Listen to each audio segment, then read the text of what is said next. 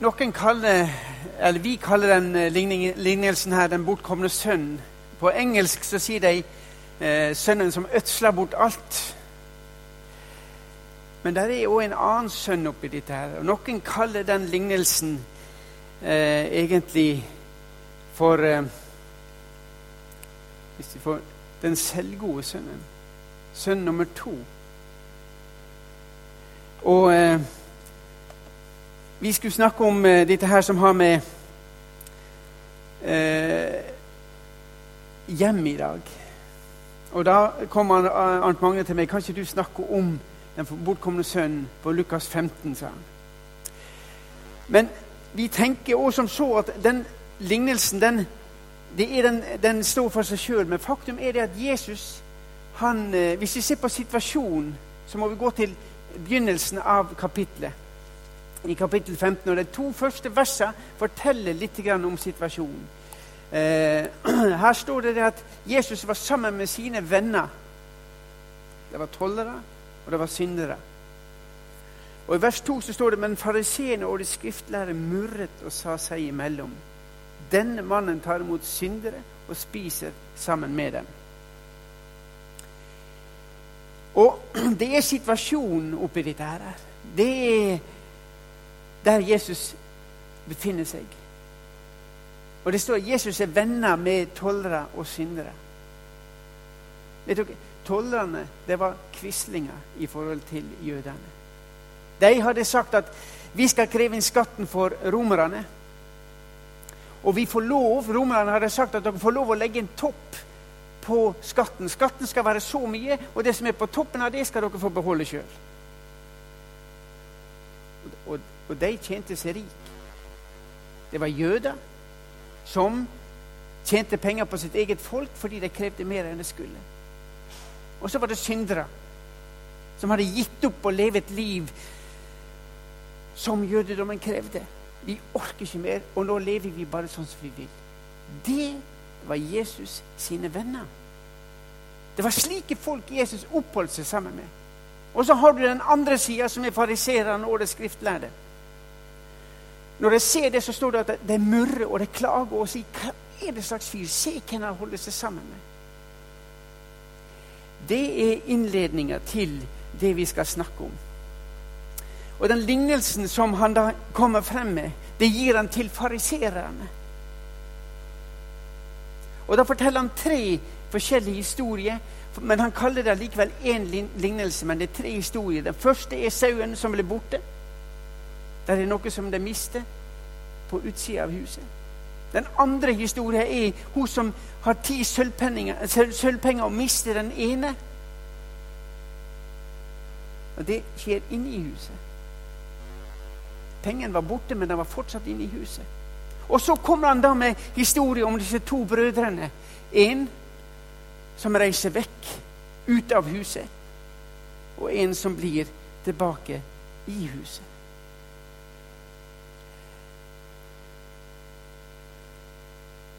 Og den siste historien er om to sønner som faren hadde mista. Men han har ikke mista han hjemme i huset. har han det da? Vi kan komme tilbake til det. Vi skal se på det. Å miste noe betyr at det bringer sorg. Å finne det tilbake gir glede. Og Det ser vi når Jesus snakker om disse, den sauen som forsvinner når du har 100 sauer, og så forsvinner en, og du har 99 igjen. Så går du ut for å lete etter den ene. Og når han finner den igjen, så kaller han sammen eh, vennene sine, og så holder han fest.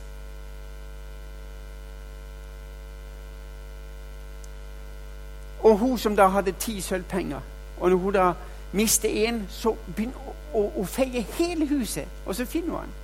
Og så kaller hun sammen vennene sine at 'jeg har funnet det som var fortapt'. Og da når hun gleder, eller de gleder seg, så må de være sammen med sine venner. Og det er jo et flott bilde på dette å feire sammen.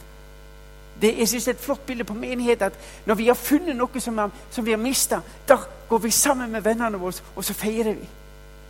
Og ikke bare vi, men det står òg i, i, i, um, i vers 10 så står det at englene og feirer når det skjer ting nede på jorda her. Sånn som han fortalte at i januar 2011 var det stemmer det.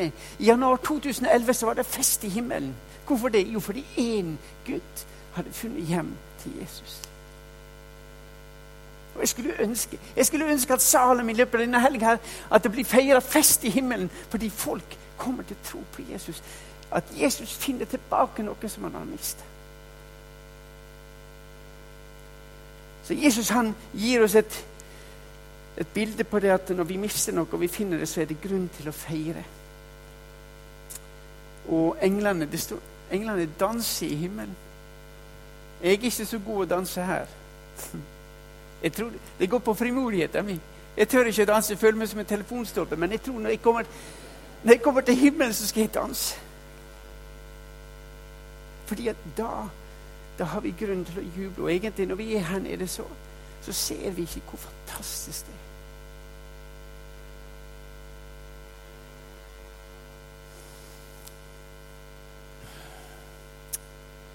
Den bortkomne sønnen skal vi ta først. Han begynner livet sitt når han skal begynne å selvrealisere seg og si at 'nå er jeg blitt stor nok'. Da begynner han livet sitt med å si 'gi meg'. Det er det vi leste om i, i, i, i lignelsen. En mann hadde to sønner, og den yngste sa til faren, 'Gi meg den delen av formuen som, til, som faller på meg.' Og han tenkte på seg, på sitt. Og Han trodde at livet begynte med å få alt det som hørte livet til, og han måtte lære den hardeste veien for å kunne komme til den erkjennelsen av at livet begynner ikke før han uttaler ordene tilgi meg.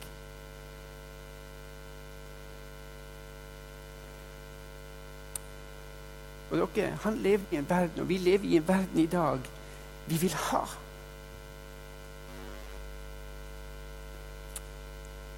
Og han vil ha det nå. Vi har ikke tid til å vente. I dag lever vi i en verden i tid der vi sier at jeg vil egentlig ha en topplønn, jeg vil ha en god lønn nå. Jeg vil leve livet nå, jeg vil ha det beste av alt nå. Og Esau var et av problemene for Esau nettopp dette at han kunne ikke vente på arven som han skulle få av sin far. Men han måtte ha det nå. Nå er jeg sulten. Nå må jeg få den linsevellinga. Jeg tar det nå. Og han hadde ikke tid å vente. Og vi lever òg i en tid i dag der vi skal ha ting nå. Vi har ikke tid å la ting modnes frem. Og det spesielle med den situasjonen som Jesus forteller, det var at faren han ga han det han hadde rett på. Han argumenterte ikke med han.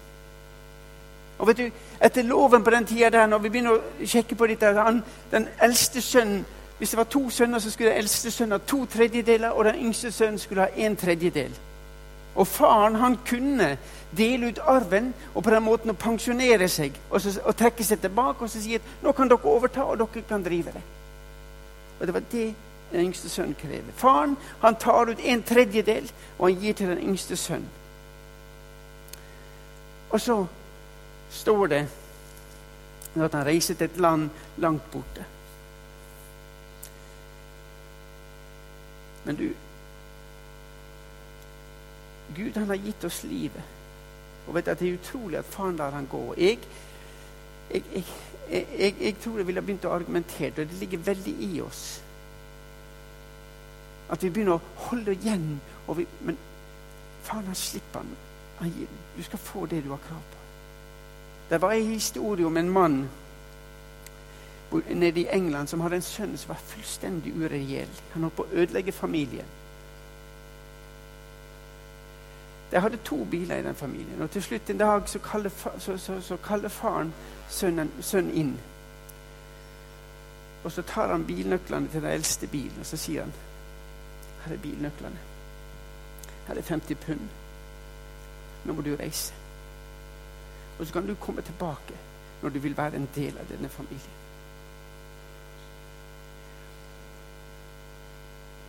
Og den gutten han tar bilen han tar pengene og reiser.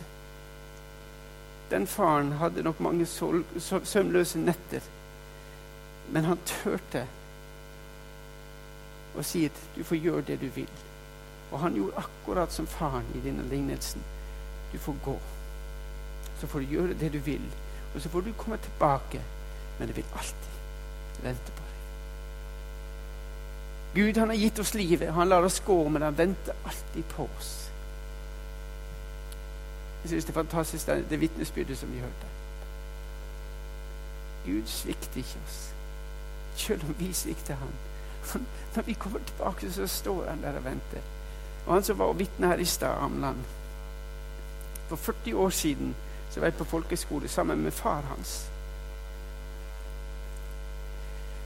Og en av, Konrad var en av de første som kom til tro på folkeskolen. Det året var det mange som kom til tro. Vi hadde bønnemøte. Og, men Konrad var den første, og jeg kjente ikke Konrad før han kom. Men en dag så begynte Konrad å stråle. Han begynte å, å vise en enorm glede. Så jeg gikk bort til Konrad en gang og sa hva, hva er det med deg. Hva du mener du? Nei, du kom hit, så var det veldig alvorlig. Og stille og rolig. Men nå stråler det av deg. Ja, men Ole, jeg har jo funnet Jesus, sa han. Og hadde, hadde han gitt livet sitt til Jesus, en av de første på folkehøgskolen, og så var det glede. Og han måtte dele det med andre. Og det er så flott å se at når, når, når folk velger det, så tar han alltid imot oss. Der står det at han reiste til et land langt borte. Han ønska frihet, han ønska nytelse, han ønska å leve det livet han lengtet. Det han så alle de andre hadde. Og et land langt borte. De som har studert dette, her, de har funnet ut det er nok sannsynligvis oppe i Antiokia, som ble kalt Romerrikets paradis, nei, Paris på den tida der. Og det lå nord nord Eh, for, for Israel. Dit for de. Og der levde han et liv. Et vilt liv, står det. Og hva han brukte det på, det kan vi bare tenke oss. Han satte alt over styr, står det. Og hungersnøden kom over landet. Han oppholdt seg med grisene. Og han måtte komme til enden av veien før livet begynte på nytt. Og er ikke det utrolig at vi må møte veggen? Det er så mange, mange mennesker som må møte veggen. Og de må komme helt til slutten, og de må miste, miste fullstendig all selvrespekt. Og i det øyeblikket så står det at de kommer til seg sjøl. Og det at han havna Han hadde mye penger når han kom dit. Og så begynte han å fikk mye venner, står det. Så tok pengene slutt. Og så står det at han havner med grisene. Og for en jøde Griser var utro, Svin var utrolig ureint. Det rørte ikke det. Og det, var, og det var ikke lov for en jøde å, å ale griser. Hvis du leser eh, historien om mannen i Dekapolis, den, den mannen som hadde ti legioner, så var det griser de ala opp. Og jødene gjorde det, men det var mot Guds lov. De gjorde det for å tjene penger, fordi at romerherren måtte jo ha mat. Så de solgte til romerne. Men for jødene var det så ureint, og det er en liten historie, og det er sann historie. og Ikke for så lenge siden det hendte, vel på 70-tallet var, en, var en, en, den jødiske rabbineren i, i eh, i eh, London, eller i England var sammen med den lederen for den katolske kirka i London. De satt sammen og de satt og spiste. Og så sier den katolske lederen til, til rabbinen ja, jeg kan vel ikke få lov å by deg på ei skinkebrødskive, han. Han visste jo at skinka var laga av svin. Hvorpå rabbinen svarer jo, det kan du få lov å gjøre, lov å gjøre i bryllupet ditt. Han visste at katolske prester gifta seg ikke. Men svin er utrolig ureine. Så derfor er det, er det, laveste av det lave han kunne havne, det var havna der som en følge av sin 'gi meg'. Og jeg tror når vi følger den lysten i vårt liv må gi meg, så går det bare én vei. Hvis de vender far ryggen, så går det nedover. Og han kom så langt at han mistet all selvrespekt for seg sjøl. Og det står at han, han, det eneste lysten han hadde, var å gå ned i traua og sitte og spise belgene som, som, som, som svina spiste. Ikke kunne vaske seg, ingenting. Det handla bare om å overleve. Og da sto det at han kom til seg sjøl. Og vet du hva? Du må, du må komme til deg sjøl. Du må oppdage hva i all verden er det jeg driver på med, før du kan komme til Gud. Og det står det at han kom til seg sjøl, og så står det at han erkjente at han hadde synda. Ikke bare mot far, men også mot himmelen. Det å komme så langt ned og erkjenne seg at nå har jeg fått se hva som bor i meg. Og hvor har det ført meg? Jo, det har ført meg inn i et liv der jeg mister all selvrespekt. Ingen hjelper meg, og ingen bryr seg om meg. Og du må lære deg sjøl å kjenne. Kjenner du deg sjøl? En god venn av meg som er alkoholiker Jeg snakka om. Han, om han før, jeg nevnte han før. Han sier en ting til meg.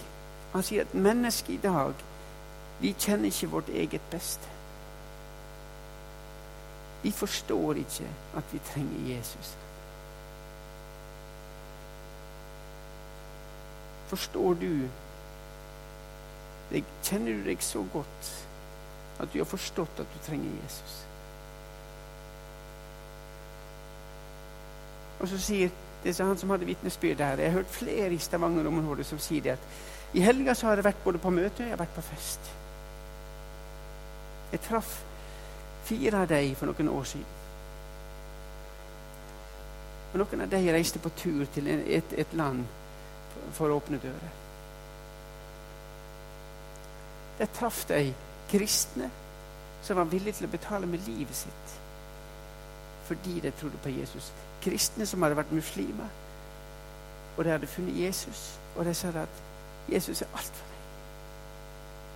Da sier han ene Da oppdager jeg hva i all verden er det du driver på med? Du har én fot i verden, og du har én fot på bedehuset, og du ønsker å få med deg alt. Og ved å gjøre det, så har jeg valgt Jesus vekk seg. Og så kommer han hjem igjen og på den turen så ga han livet sitt til Jesus. På den turen erkjente han, og han begynte å se i seg sjøl. Hva er det som driver meg? Jo, jeg vil ha alt det andre. Og jeg lengter egentlig ikke så mye etter Jesus. Og når han fikk lov å se det, og erkjenne det at jeg lever et liv der jeg tror jeg har alt, som det ble sagt her Jeg hadde det så bra, men egentlig trenger jeg Jesus. Og det blir sånn som du sier, at da plutselig ble synda stor for meg.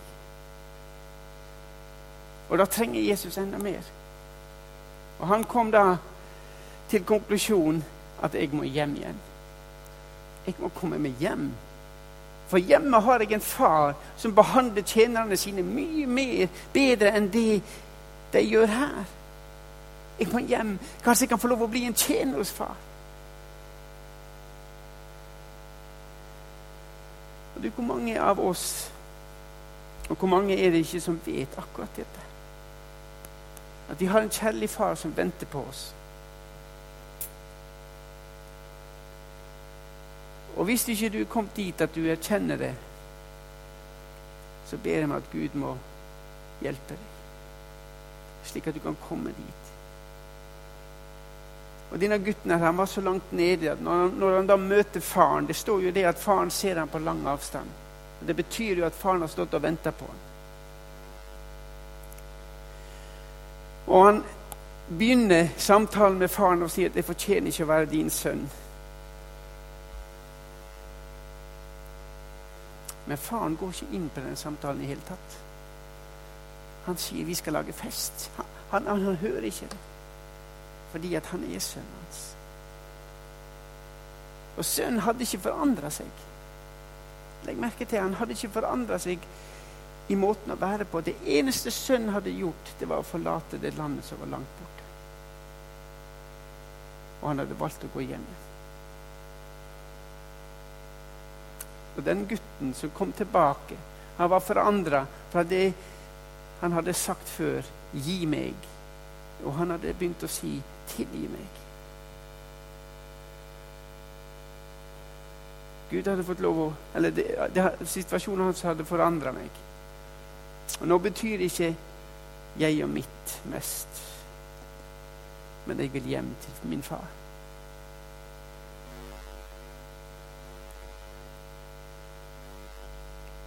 Og det er den festen han hadde leita etter. Han, han, skulle ut og feste og virkelig ha det bra. Men når han kom hjem igjen, så starta festen. Festen han hadde søkt, var ikke i det fremmede landet, men det var hjemme hos sin far. Og dere, festen begynner i det øyeblikket du lærer la, la Jesus slippe inn i livet ditt. Og du kommer hjem igjen, og da begynner festen. Og da blir det sånn som du sier. Da må vi inn, da må vi feire. Da inviterer vi våre venner.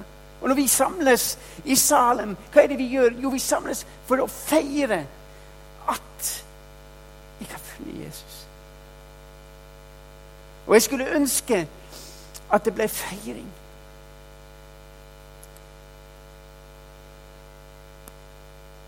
Men legg merke til når dere går hjem og leser dine historier, se at den lykkeligste personen i historien er ikke sønnen, men det er faren. Han jubler. Det er han som feirer. Slakt gjøkalven. Og han satt ring på fingeren hans. Han fikk sko på føttene. Og vi, vi, vi ser ikke det, det, det, å få sko på føttene på den tida. Vi forstår det ikke, for ingen av oss har vært slaver. En slave har aldri sko. Men i det øyeblikket han går fra å være slave til å bli en sønn, så får han sko på føttene. Eh, de amerikanske negrene de, de synger om det. De var slaver, de hadde aldri sko. Men de synger sang, de har skrevet sanger at når jeg kommer til himmelen, så skal jeg ta på mine sko. For da er jeg ikke slave lenger. Da er jeg en av herrene i huset. Da skal jeg få sko. Og det er et tegn på at du er min sønn. Hva da med den andre sønnen? Jeg skal snart avslutte. Jeg skal ikke henge meg så lenge opp i han, men du, den sønnen som hadde gjort alt hva faren sa, men han hadde ikke gjort det med glede. Han hadde gjort det av plikt. Han hadde levd et respektfullt liv, men han hadde ikke et liv. Og istedenfor sønn hadde han oppført seg som en slave.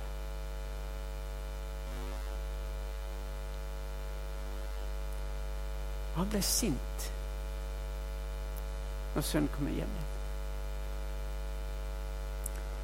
Og han kommer utrolig hoven og arrogant. Når han kommer hjem og han hører musikk, så sier han hva er det som skjer her? Han blir sint at faren ødsler penger på at sønnen kommer tilbake. Han som har brukt alle pengene på hore. Han, han, sier det, og jeg aner ikke hvor han har det ifra. Men han har brukt det på hore, og han er sint fordi sønnen er kommet hjem.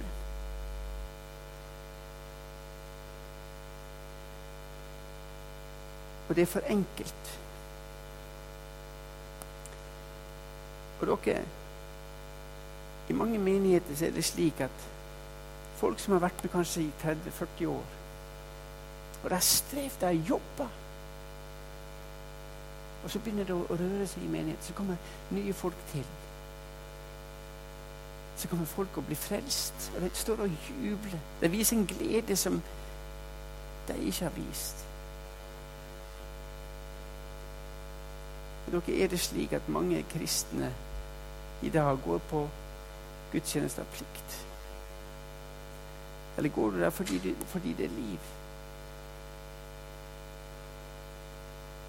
Og Legg merke til at Jesus, eller faren han elsker denne sønnen like mye som han elsker den andre sønnen. Når han kommer, så sier han, 'Min sønn, min sønn, alt det jeg har, er ditt.' Har ikke du forstått det? Alt jeg har, det er ditt.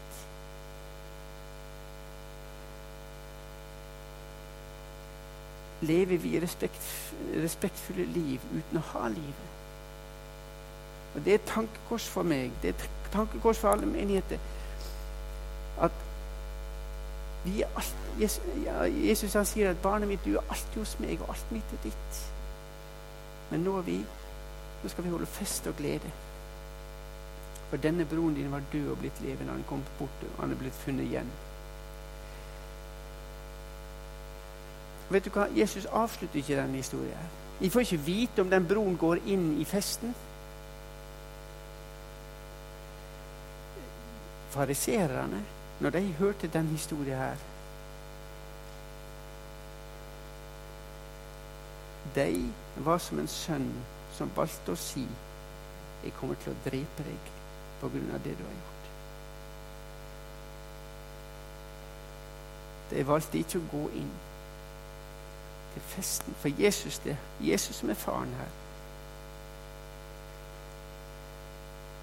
Og for oss, hva slags historie legger vi Hva slags ende får det for oss? Hvor går vi inn? Vil vi velge å være med på festen når folk kommer til tro? Å være med og danse sammen med englene som danser når folk kommer inn i menigheten. Og så lager vi fest, og så feirer vi fordi Jesus har vunnet inn tilbake. Og la det må være målet at jeg håper, håper og ber om at mange skal finne tilbake til sin far, som er Jesus Kristus, i Salem i løpet av året. Og at det skal bli grunn til å feire her, og det skal bli grunn til å feire i himmelen. Jeg takker deg, Herre Jesus, for at du har sendt din Eller du har gitt ditt liv for oss. Herre Jesus, jeg takker og priser for alle de vitnesbyrdene som vi får lov å høre. At folk kommer tilbake til deg og de bøyer seg for deg og erkjenner at du er Herre. Og jeg ber Jesus, for oss som har vært kristne lenge, hjelp du oss til å kunne være med på festen. Til å glede oss når folk kommer til tro, istedenfor å sitte der og være misunnelige. Herre Jesus, jeg ber for Salam i år. Jeg ber for lederne. Jeg ber for alle de som er med her. Kom du med din Hellige Ånd og fyll deg. Og kom du med alle de som kommer inn på møter, og fyll deg med din ånd, Jesus slik at vi kommer til erkjennelse at vi trenger deg. Vi trenger deg så uendelig mye. Og vi takker deg, Jesus, for at du står der med armene oppe, og du faller om halsen på oss, og du kysser oss. Og så sier du velkommen igjen. Amen.